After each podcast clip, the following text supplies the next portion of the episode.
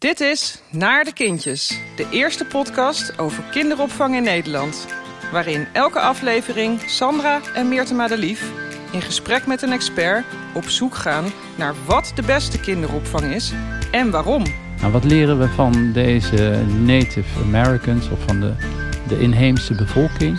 Is dat er een ongelooflijk diep weten met de aarde verbonden is. Even toelichten. Ga ik je toelichten? Oké. Absoluut, Ja. absoluut.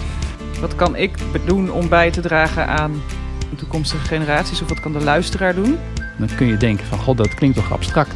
Dat je dat diepere weten, hoe zorgen we dat we van daaruit eh, de juiste dingen doen? Ja, Sandra, daar zitten we weer. Ja. Weer een podcast-aflevering. Het is alweer even geleden. En vandaag zitten we bij eh, ja, weer Landgoed Zonheuvel. En Kinderopvang de Geheime Tuin is ook campuspartner hier op dit terrein. Net als SBI Earth Charter en Lab Toekomstige Generaties. En de campus als geheel is ook bezig met het verbeteren van de wereld, net als de Geheime Tuin. En ehm, ja, ook met duurzame ontwikkelingsdoelstellingen, SDG's. En onze gast van vandaag weet daar heel veel van. Is ook eh, verbonden aan het landgoed. Ignas Andersson. Ehm, en hij heeft ook iets met antroposofie. En eh, welkom, eh, Ignas. Dankjewel. Zou je welkom. jezelf willen voorstellen? Ja, heel erg graag. Eh, leuk om hier te mogen zijn en in jullie midden iets te vertellen over ja, de dingen die ertoe doen. Hè? Van, en je zei iets met antroposofie. Nou, misschien dat maar meteen aan het begin helder maken. Voor mij is antroposofie een, een integrale benadering van, van mens en wereld. En een soort uitzicht waar inzicht uit voort kan komen. En eh, ja, wat heb ik zoal gedaan? Ik heb eh, 25 jaar aan de Vrije School gewerkt in Den Haag. En ehm, in de Vrije School eh, is een van de basisuitgangspunten de antroposofie als algemene menskunde. Eh, daarna ben ik naar de Jonas Stichting gegaan. Heb daar een eh, jaar of 16 gewerkt. En eigenlijk in de Jonas Stichting was ook de antroposofie een inspiratiekader. En daar werden we heel duidelijk gezien als dat eigenlijk antroposofie een soort integrale benadering is van mens en wereld. Kan je uitleggen wat de Iona Stichting is? Ja, de Jonas Stichting is een, eh, een fonds waar eh, ehm, projecten mee worden gestimuleerd. Waar eh, onderwijsprojecten mee worden gestimuleerd. Waar kinderopvang mee werd, of werd, misschien nog wel wordt, dat weet ik niet. Dat is allemaal mijn opvolgers. Ja. Maar die, ehm, je zou kunnen zeggen, een goede doelenstichting. En ehm, om het, het, het, het verder af te maken, dus de Vrije School over de algemene menskunde. De Jonas Stichting over die integrale benadering van mens en wereld. En het lab toekomstige generaties, wat je net ook noemde, daar eh, komt voor mij ook heel duidelijk naar voren dat je eh, die universele waardes probeert zichtbaar te maken, maar dan vanuit een toekomstige visie. Want we zitten met elkaar heel erg altijd op het verleden waar we naar kijken. Maar we beseffen vaak niet wat alles wat wij nu doen, wat dat voor toekomstige generaties betekent. Ehm, en dat lab toekomstige generaties is voortgekomen eigenlijk eh, uit de World Connectors, die ook weer met de Earth Charter verbonden zijn. Als een soort incubator. Een plek waar je mag oefenen. Een plek waar je mag proberen. Een plek waar je niet hoeft zeker te weten. Een plek waar je nou, creëert. Waar ook de kunstzin een rol speelt. En dan noemde u net eigenlijk al dat, eh, dat Earth Charter een paar keer. Nou, dat Earth Charter is ook een universeel waardekader. En eigenlijk een soort kompas. Waar je je kunt aan kunt zien van... Goh, ben ik goed met de aarde bezig? Ben ik goed met mijn medemensen bezig? Ben ik waarde betrokken? Dat is een beetje eh, wat ik doe. En ik hoop daardoorheen een beetje zichtbaar te maken wie ik ben. Ja, dankjewel. Ehm ja, uitgebreid en ehm, ja, ook wel echt raakvlakken met nou ja, de antroposofische kinderopvang en zeker ook de Geheime Tuin als organisatie in de maatschappij. Dus antroposofie in de maatschappij brengend. Ehm, en als we kijken zeg maar, naar de Geheime Tuin of de antroposofische kinderopvang, dan zijn we bezig met een bijdrage te leveren aan gezondmakende ontwikkeling van kinderen eh, in eerste instantie, maar ook van onszelf, maar met name met de kinderen die we begeleiden. En de antroposofische kinderopvang heeft ook een visie op opvoeden. En in ons voorgesprek sprak jij over opvoedkunst in plaats van opvoedkunde. En dat vond ik een zo mooi, eh, ja, mooi onderwerp. Zou je daar iets over willen vertellen en uitleggen wat het is en wat het verschil is eh, ja, tussen elkaar? Ja, natuurlijk. Ik denk, de kunde, dat, dat zegt zichzelf al. Hè. Dat heeft te maken met, uh, met je kennis. Um, en de kennis is meestal toch iets wat, laten we zeggen, aan de wetenschap gerelateerd is. Waar ook absoluut niets mee mis is. Ik bedoel, we verdanken ongelooflijk veel aan kennis. Hè?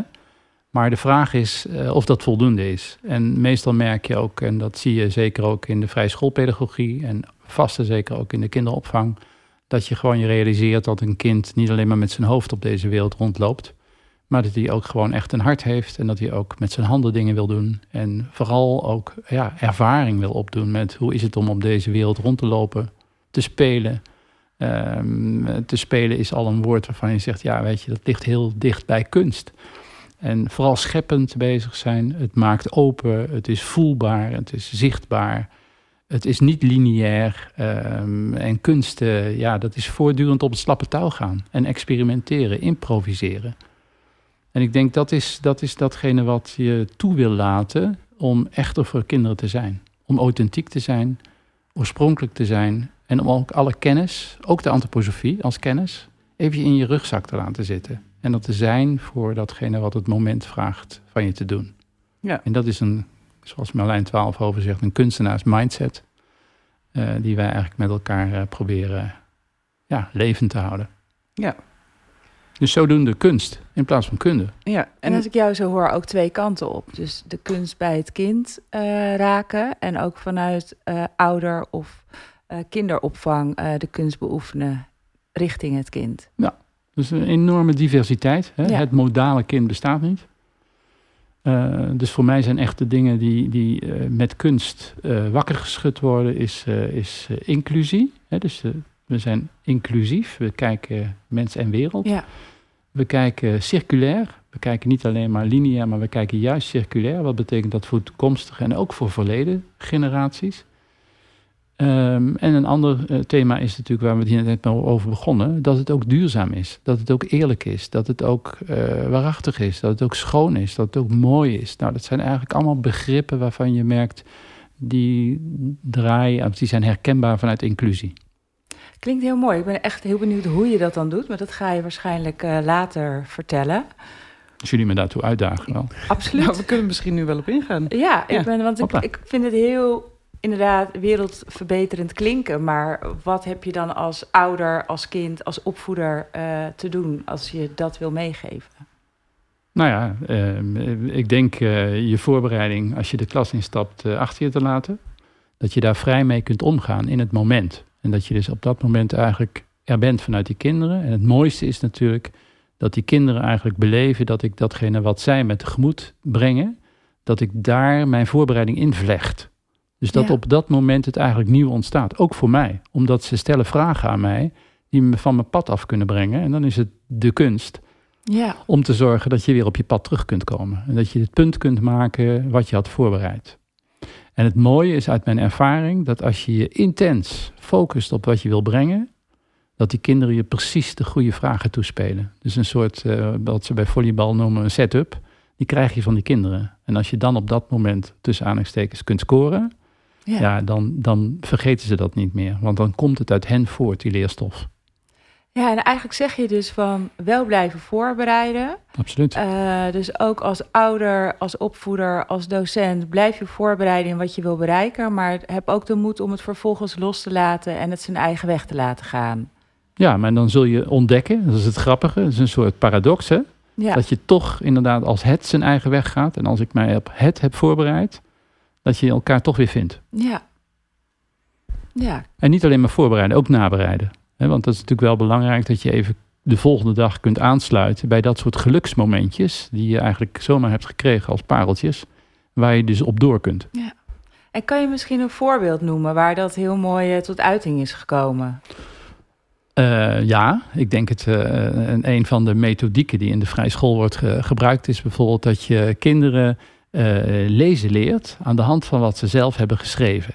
En dan kun je denken van, god, dat klinkt toch abstract? Dat is niet zo, want in beginsel zijn ze heel erg vertrouwd met dingen die ze kunnen tekenen. Dus je ziet dus ook uit het tekenen van, ook van deze letters, die ook zijn aangelegd in de vorm van beelden, met gedichtjes en met spelletjes. En uh, uiteindelijk abstraheer je dat naar een letter. En ik, uh, ik was in de Tobias school in, uh, in Den Haag. En dat is een plek waar kinderen dus met leerproblematieken komen. Met een andere leervraag zou je mooier kunnen zeggen. En die kinderen die uh, leerden met mij eindeloos veel versen uit hun hoofd. Die ze konden opzeggen. Ja. En uiteindelijk heb ik dat zo'n vers op het bord geschreven. En ze kenden dat vers dus uit hun hoofd. En ik wees alleen maar aan waar ze waren. En die kinderen gingen vol trots naar huis met wat ze hadden nagetekend en zeiden tegen hun ouders: Ik kan lezen. En ze dreunden het op terwijl dat voor hun neus was. En die ouders hadden zoiets: Wat is er met jou gebeurd? En op het moment dat je weet wat lezen is, dan komt iets auditiefs en iets visueels komt samen. Het beeld en de klank.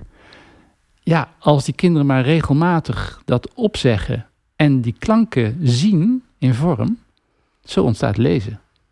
Nou, Ja. dat is dus eigenlijk iets waarvan je kunt zeggen dat is goud gewoon. Als je op dat moment kinderen gewoon het beleven kunt geven dat ze groter zijn, dat ze die wereld in kunnen gaan, dat ze ook snappen wat er op die muur staat.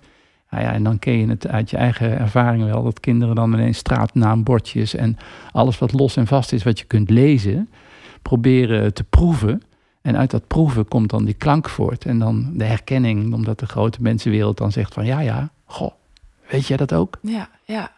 Dus eigenlijk is het dan, naast dat je echt technisch gericht bent op het lezen, door echt vanuit eh, verbeelding, verhaal, gaat het ook een stuk herkenning. En dan leer je sneller en ga je het ook sneller zien. Dat Precies. Is, ja, Plezier, vreugde, humor zijn allemaal dingen die Ja. daarbij een ongelooflijk belangrijke rol spelen. en, dat dat, staat ook natuurlijk- durven te doen als opvoeder. Ja, ja, ja, ja. ja. Oké? Dat staat natuurlijk niet in boekjes, ook niet in de handleiding. dat Van jongens, niet, die moet je je humor niet vergeten en zo. Is dit uniek in de vrije scholen of in de vrije schoolpedagogiek? Of is- dit heden ten dagen ook terug te vinden in andere onderwijsvormen in, Ja, dat- in Nederland? Eh, dat is heel erg een leuke vraag, want je merkt wel dat het eigenlijk heel natuurlijk is. En dat er heel veel vragen nu worden gesteld, ook bij van waarom doen we eigenlijk wat we doen? Is geloof ik, zo, zo Claire Boon schrijft zo'n 100 vragenboek eh, gemaakt. Eh, de vragen die je eigenlijk nooit meer stelt. En dat is heel erg leuk dat je je bevraagt van waarom doen we het wat we doen. En dat zie je op steeds meer plaatsen zie je dat tevoorschijn komen. Dus ja, termen als zoeken naar kindvriendelijk onderwijs, dat zijn eigenlijk allemaal dit soort vragen waarin het verlangen leeft van wat komt nou eigenlijk echt aan? Wat blijft er nou echt bij? Of hoe werkt het van binnen bij het kind? Of hoe ontmoet je het kind eh, in relatie tot de volwassene? En waar zit dan ja, die chemie of die kunst eigenlijk? Hè? Ja, Dat is het beeld wat ik er dan bij krijg. Absoluut. Dat het kind en de volwassene elkaar ontmoeten. En in die ontmoeting ontstaat het leren of de chemie of Ja. de, de vonk. nou ja, maar dat is net als in dit gesprek. Hè, van je kijkt elkaar aan en je merkt op een gegeven moment of het aankomt ja of nee. Hè, dus Ja. je creëert samen. Ja. En, en misschien een gek woord, hè, doordat je zo benadrukt volwassene en kind. Op zulke momenten is er een gelijkwaardigheid. Ja, dat is mooi. Hè, Ja. Van mens tot mens. En dat is fantastisch. Ik, ik kan me ook voorstellen dat je ehm, elkaar ontmoet in de wereld van het kind, zeg maar, en dat je van daaruit dan gaat leren. In plaats van dat wat je volgens mij heel veel ook in het reguliere onderwijs ziet. Dat je echt bezig bent het kind de technieken bij te brengen van het leren. In plaats van dat je je aansluit in de belevingswereld van het kind en van daaruit leert leren. Nou ja, dat is wat, wat we net eh, probeerden aan te duiden Ja. met dat universele, hè, met dat algemene. Het onderwijs helaas, en ook op vrije scholen, is gefragmenteerd in vakjes. Ja, Maar de wereld bestaat niet uit vakjes. Ja, in de politiek wel. Daar heb je ministeries en ook allemaal vakjes. En die merken ook dat dat niet meer werkt. Het gaat juist om dat integreren van thema's. ja, En dat is denk ik iets waar vooral in de vroege fase waar jullie mee bezig zijn in de kinderopvang, dat kinderen dus echt ja, het leven leven hè, en met elkaar het leven leeft. en dat En- wij daar als volwassenen ook in durven te stappen. Zo is het. Ja, in plaats van de kinderen naar onze wereld proberen te krijgen. Ja. Ja, Ja, en, en die vakjes is natuurlijk in je voorbereiding weer heel interessant. Dat je vanuit een bepaalde lens naar dat stukje wereld kijkt. Maar zoom af en toe ook uit. Ja. Hè. Laat dan zien ook waarom het van belang is. Hè. Waartoe doen we de dingen? En als je dat snapt, dan ga je er ook met plezier mee om. Dat is, eh, is de ervaring. ja. ja. Ja, en wat het bij mij ook wederom oproept, is dat eh, de openheid als opvoeder of pedagoog, wat vraagt het kind van mij? Dat is dan toch altijd die terugkomende vraag, ook bij ons in de organisatie. Om gewoon heel goed te kijken en te luisteren van wat heeft dit specifieke individu van mij nodig? Wat is de vraag aan mij in plaats van hè, wat jij zegt van, ja, ik, ik, ik leer het jou. Hè? Dus het, het is, eigenlijk is het andersom. Ja. En is het onze afstemming daarop. Maar ook, en dat eh, eh, eh, zit voor mij ook heel erg van waar kom je vandaan? Wie zijn je ouders? En dat is niet zoals eh Rijman dat bedoelde van, met zijn, zijn show van Tante S. Hè, van hoe is je vader, wie is je moeder? Maar waar kom je vandaan? Met andere woorden, ken je de ouders? Weet je een beetje de gezinscultuur? Weet je de gezinsopbouw? Weet je, ken je de opa's en de oma's? En dat is niet erbij gesleept. Dat is gewoon echt ontzettend leuk om te zien. Dat is de belevingswereld van het kind. Ja. En als Ja, opa precies. iets in de klas mag komen vertellen, ja, weet je, dan is dat veel meer dan kennis. Dan Ja. is dat gewoon zijn opa. Ja. Ja. Levenservaring. Ja, dat is, dat is mooi ehm, opstapje ook naar mijn volgende vraag. It takes a village to raise a child. Er is een heel dorp voor nodig om een kind op te voeden. Dus opa's, oma's, ouders, eh, onderwijs, kinderopvang, heden ten dagen. En ehm, ja, dat is ook zo'n uitspraak van eh, een oud Indiaans volk. En dat inspireert me al heel veel jaren. En wat me ook heel erg inspireert is dat zij het hebben over die toekomstige generaties. Waar het net ook, wat ook al een paar keer gevallen is. Dat als we ons nu bewust zijn dat we een bijdrage leveren aan de toekomstige generaties. En de Indianen zeggen zeven generaties vooruit. Maar ook zeven generaties achteruit. Waar kom je vandaan en waar ga je naartoe? Ja, dat, dat vind ik. Aan de ene kant vind ik dat een heel groot onderwerp. En aan de andere kant is dat heel actueel en ligt dat precies waar onze invloed. eh, ja, mijn en jouw invloed op dit moment ligt. Om daaraan bij te dragen. En ja, ik ben gewoon op zoek naar, Ignas, of je daar iets over kan vertellen. Wat nu de opvoedkunst te maken heeft met het bijdragen aan toekomstige generaties. Hoe zie jij dat? Nou, dat, het is inderdaad een hele grote vraag. En tegelijkertijd is het ook een vraag die, die warmte genereert. Als je het kind aanspreekt op waar die vandaan komt, dan is er geborgenheid. Dan is er een gevoel van thuiskomen. En als je van daaruit gaat ontwikkelen, want dat is het mooie wat ik eigenlijk heb gedaan in het onderwijs en ook in de Jonas Stichting, is het stimuleren van ontwikkelingspotentieel. Nou, wat leren we van deze Native Americans of van de, de inheemse bevolking? Is dat er een ongelooflijk diep weten met de aarde verbonden is. Ja. Een diep weten wat meer is dan kennis, wat wijsheid is. En die is nog steeds beschikbaar. En dat is niet abstract, dat komt dus via die stroom van die geborgenheid van je bent hier op de aarde beland en die aarde is mooi. Die aarde, daar kan je ongelooflijk veel avonturen beleven. En dan ga je op reis. Nou, en dat is voor mij eigenlijk datgene wat met dat diepe weten te maken heeft. En ook met het andere aspect van dat we het een beetje zijn vergeten. Want bij een leerproces, ook in de vrije school, is een van de belangrijkste methodieken, wat we net zeiden over je voorbereiding, Dat we het even vergeten. dat je het vergeet. Ja. En dat je het in het moment weer herinnert Ja. wat je hebt begrepen. Ja. En je moet zelf het wel hebben begrepen. En hoe vaak ik in mijn onderwijstijd niet heb geput uit mijn eigen kind zijn. Dat je dus teruggaat van hoe was dat voor mij? Wat waren toen mijn hobby's? Wat waren toen mijn ervaringswoordjes? Wat, waren, wat was de diepere grond van vriendschap in die tijd? Waar keek je naar? Eh, ehm, nou, dat, daar kan je natuurlijk van alles bij, bij voorstellen. En ik denk, eh, in Nederland leven een aantal hele mooie tradities. Die ook met dat verleden te maken hebben. Het eren van het verleden. Onze herdenkingen die we hebben. Niet alleen maar 4, 5 mei. Maar eh, nu binnenkort ook eh herdenkingslezing las ik vanochtend van de Kristalnacht. Maar ook de slag bij Arnhem.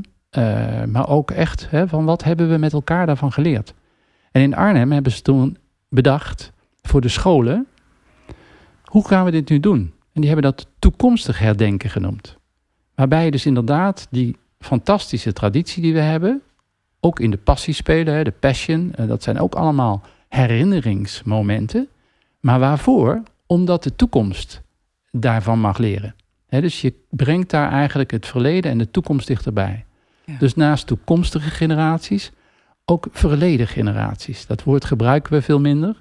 Ja. Maar dat is zeker ook, het, het eren daarvan is niet iets sentimenteels. Dat is echt een kracht die je voor de opvoeding nodig hebt. Ja, mooi. En als we dan heel erg kijken naar die, ja, naar die grote lijn, maar ook inzoomen op van wat kunnen jij en ik dan doen? Wat kan ik doen om bij te dragen aan, ja, bijdragen aan toekomstige generaties? Of wat kan de luisteraar doen? Zeker als we het vertalen zeg maar, naar hele jonge kinderen bij ons in de kinderopvang. Wat, hoe ziet dat eruit? Nou ja, weet je, bij mij gaat het dan over samenwerken. Samenwerken met de aarde. als we, oh Zoals we die aarde, als dat een levend iets is. De aarde is niet de, de, de stenen, de planten, de dieren. Uh, nou, zoals we dat in de, in de ochtend. Uh, motto's die we in de vrije school meegeven, om een ander woord te gebruiken voor de ochtendspreuk. een motto wat je meegeeft, waarbij je de verbondenheid laat zien met die aarde, met je medemensen. En dan op dat moment, als je verbonden bent met de aarde en met de medemens, kan je je ook verbinden met jezelf. En dan heb je het dus niet over het dikke zelf, maar dan heb je het over jezelf. Degene die jij uniek tussen die krachtenvelden kunt, uh, kunt zijn. Hebben we het dan hier ook over authenticiteit? We hebben het over authenticiteit, maar dat is ook weer zo'n woord. Inderdaad, dat je autonoom bent en dat je ook daarin, prachtig dat je dat nu invlecht, je voorbereiding, dat is van gisteren. Ja. Maar wat er in dat moment, hoe vrij je daarmee kunt omgaan en hoe waardevol je kunt zijn, dat toont zich in het moment. Ja. En we hebben het heel veel nu, let maar eens op, ook de politiek heeft het heel veel over toekomstige generaties. Heeft het heel veel over next gens. En daarvan hebben we toch het gevoel, die moeten het gaan doen alsof wij niet ook toekomstige generatie zijn. Dat zijn wij ook. Ja, en wat ik daarin dan merk en uh, waar ik over nadenk als ik jou zo hoor praten, is dat er, wat dat ik jou hoor zeggen, het ligt heel erg in, het, in, in, het, in, de, in de verbinding met het aarde, het diepere weten. Uh, er is inderdaad op dit moment in de politiek overal heel veel de toekomstige generaties. Maar dat is wel allemaal gericht op uh, wat we moeten in de prestatie. En hoe zorg je nou dat je het echt van dat je dat diepere weten, die ons eigenlijk de antwoorden gaat geven op het moment dat we de rest loslaten? Want dat is eigenlijk wat je zegt. Hoe komen we daarbij en hoe zorgen we dat we van daaruit uh, de juiste dingen doen? Ja, nou ja, ik denk dat we daarmee tegelijkertijd een paar prachtige begrippen kunnen afstoffen. Leven met gestorvenen en leven met ongeborenen. Dat zijn eigenlijk de voorgeboortelijke en het na de dood. Je even toelichten? Ga ik je toelichten, absoluut. absoluut. Nou ja, wat jij in je voorbereiding doet, eh, als je biografieën leest, dan krijg je ongelooflijk veel levenswijsheid, die dus eigenlijk bij elkaar zit in iemand die dat zelf heeft gevonden of heeft beleefd. En je merkt daarin enorm sterk dat er dus een potentieel is wat zich nog wil tonen, wat uit een verder verleden kan komen, maar wat ook verlost kan worden vanuit de toekomstige kant. dat je dus de versletenheid of de, de, de houdbaarheidsdatum, zoals er ook wel eens naar onze samenleving wordt gekeken, dat de houdbaarheidsdatum voorbij is op een aantal. Dus we moeten iets nieuws creëren. En dat doen we niet door de sommetjes te maken hoe je het verleden extrapoleert naar de toekomst. Precies. Want er wordt iets heel anders gevraagd. Ja. En dat is een ervaring die iedereen heeft, dat de nieuwere generatie veel directer is als het gaat om duurzaamheid. Ze snappen dat eigenlijk diep van binnen veel sneller dan dat wij dat nu, omdat we het afgeleerd zijn, weer opnieuw moeten leren. Nou, als je je openstelt voor die nieuwe generatie, dan ga je merken wat wij te doen hebben, want zij willen ook leren van het verleden. Maar ze willen dat op een manier doen die oorspronkelijk is, gericht op die toekomst. Dus daar zit voor mij een beetje de, de, de sleutel. Dus eigenlijk zeg je ook daar, sluit aan bij die wereld van het kind. Dan krijg je daar de antwoorden in hoe je ehm, vanuit hun diepere weten naar de toekomst toe uh, zou kunnen samenwerken. Precies. En om niet alleen maar bij het weten te blijven, Precies, maar het ja. diepe weten kan absoluut niet zonder het liefhebben. Ja. Dus het liefhebben van datgene wat het kind jou op wat voor onmogelijke manier onder je nagels zit, je wil vragen, Ja. daarin de humor te kunnen blijven zien en voortdurend naar binnen te gaan en denken van ja, jij vraagt het op jouw manier. Vraag het als een buurman die met hem buiten speelt. Die snapt hem beter dan dat jij hem misschien snapt. Leg het samen aan iemand uit. Ik wil het hier invlechten. Iets wat mij altijd enorm heeft uh, geïnspireerd. Is het lied van Mathilde Santing. En dat gaat over inspiratie. En dat noemt ze inspiratie adem van de geest. En dan stelt ze de vraag: hoe komt een idee ooit tot stand? Vroeg jij je dat wel eens af? Waar komt dat helder ogenblik? dat inzicht toch vandaan? Dat komt van iemand als jij, onzichtbaar aan je zij, die fluisterde dat je toe. Inspiratie, adem van de geest, wij zijn het altijd geweest. Hoe komt een idee ooit tot stand? Kan zo'n gedachte ontstaan? Waar komt dat helder ogenblik?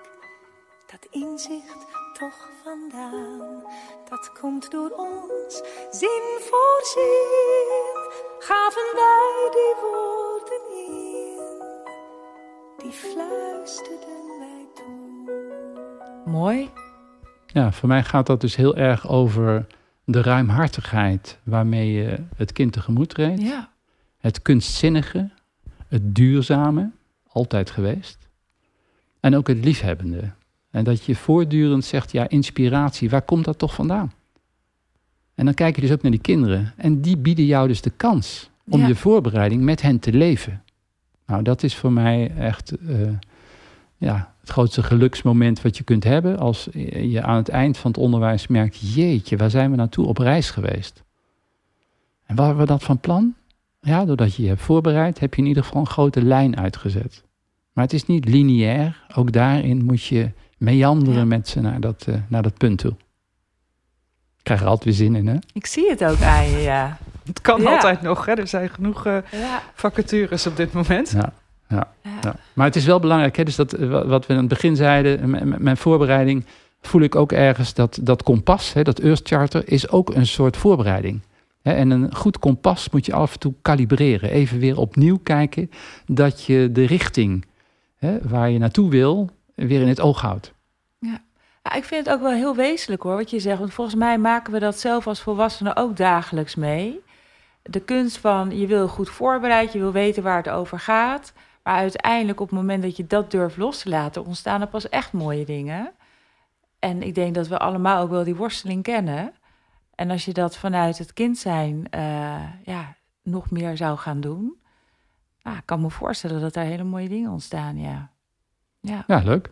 Ja, en ik denk dat het belangrijk is om aan de ene kant dat kunstzinnige te leven met de, die ko- toekomstige generaties in gedachten en waar we vandaan komen.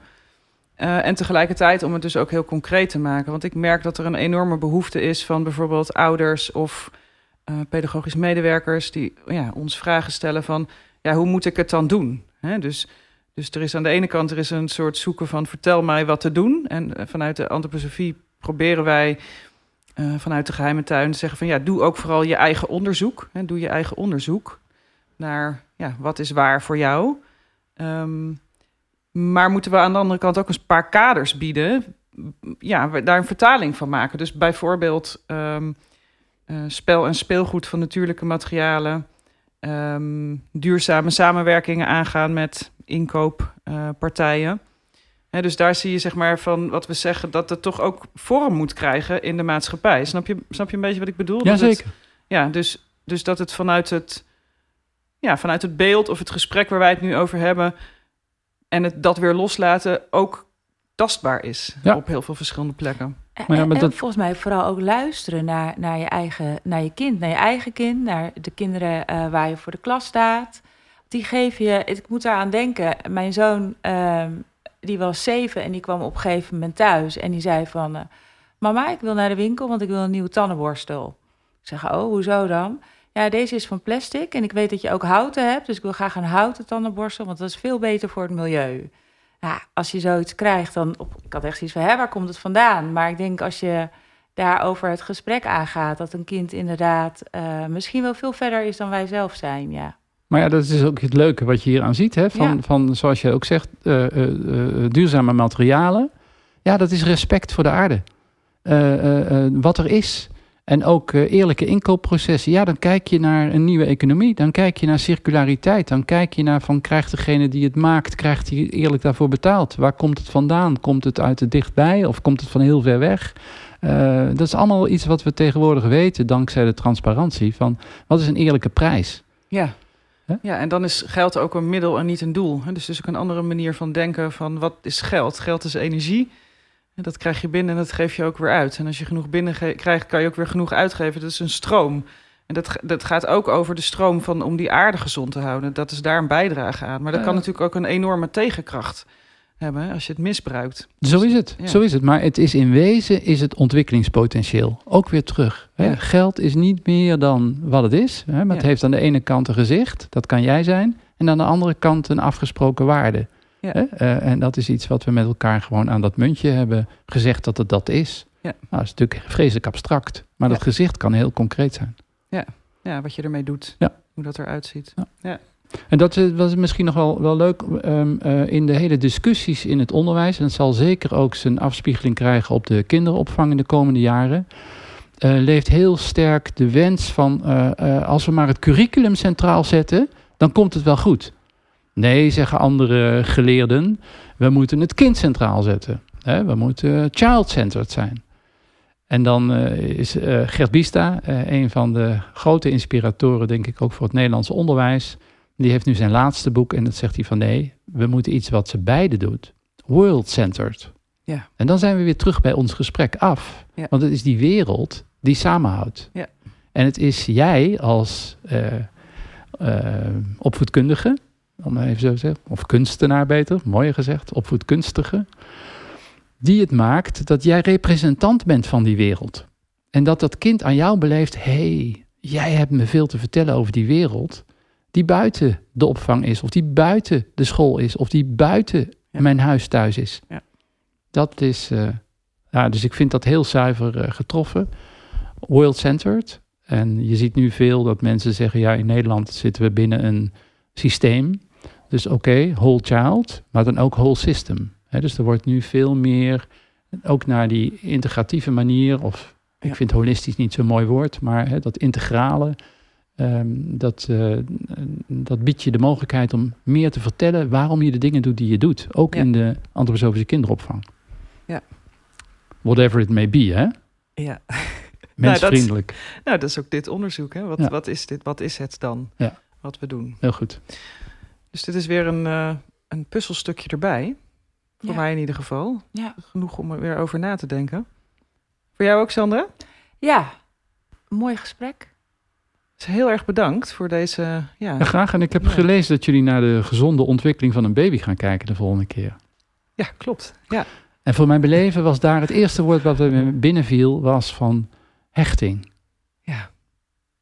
Een kind zich echt, is niet voor niks gekomen. Ja. Dus hij wil in deze wereld gehecht worden. En natuurlijk aan zijn vader en zijn moeder. In eerste instantie aan zijn Ja. moeder, en, maar ook zijn vader. Ja. Maar dan ook naar waardevolle mensen die hij om zich heen gaat ontmoeten. Ja. Dus ik eh, denk dat dat een prachtige serie kan worden. Het ontwikkelen weer van een baby. Nou, precies. Daar gaan we het ook over hebben. En ook over welke, welk spanningsveld je daar dan tegenkomt eh, met bijvoorbeeld kinderopvang. Eh, en we- wederom bewustwording daarop. Ja, dat we ons vragen stellen en blijven stellen. En volgens mij ben jij de expert Ja, daar. klopt. Dus ga ik jou interviewen. klopt. Wens ik jullie leuk. veel plezier. Ja, dankjewel. Ja, dankjewel. Vond je dit een leuke podcast? Abonneer je dan. Heb je opmerkingen? Zet ze in de recensies. Heb je een vraag? Stuur dan een e-mail naar podcast.kinderopvang-in het midden degeheimetuin.nl Graag tot de volgende keer.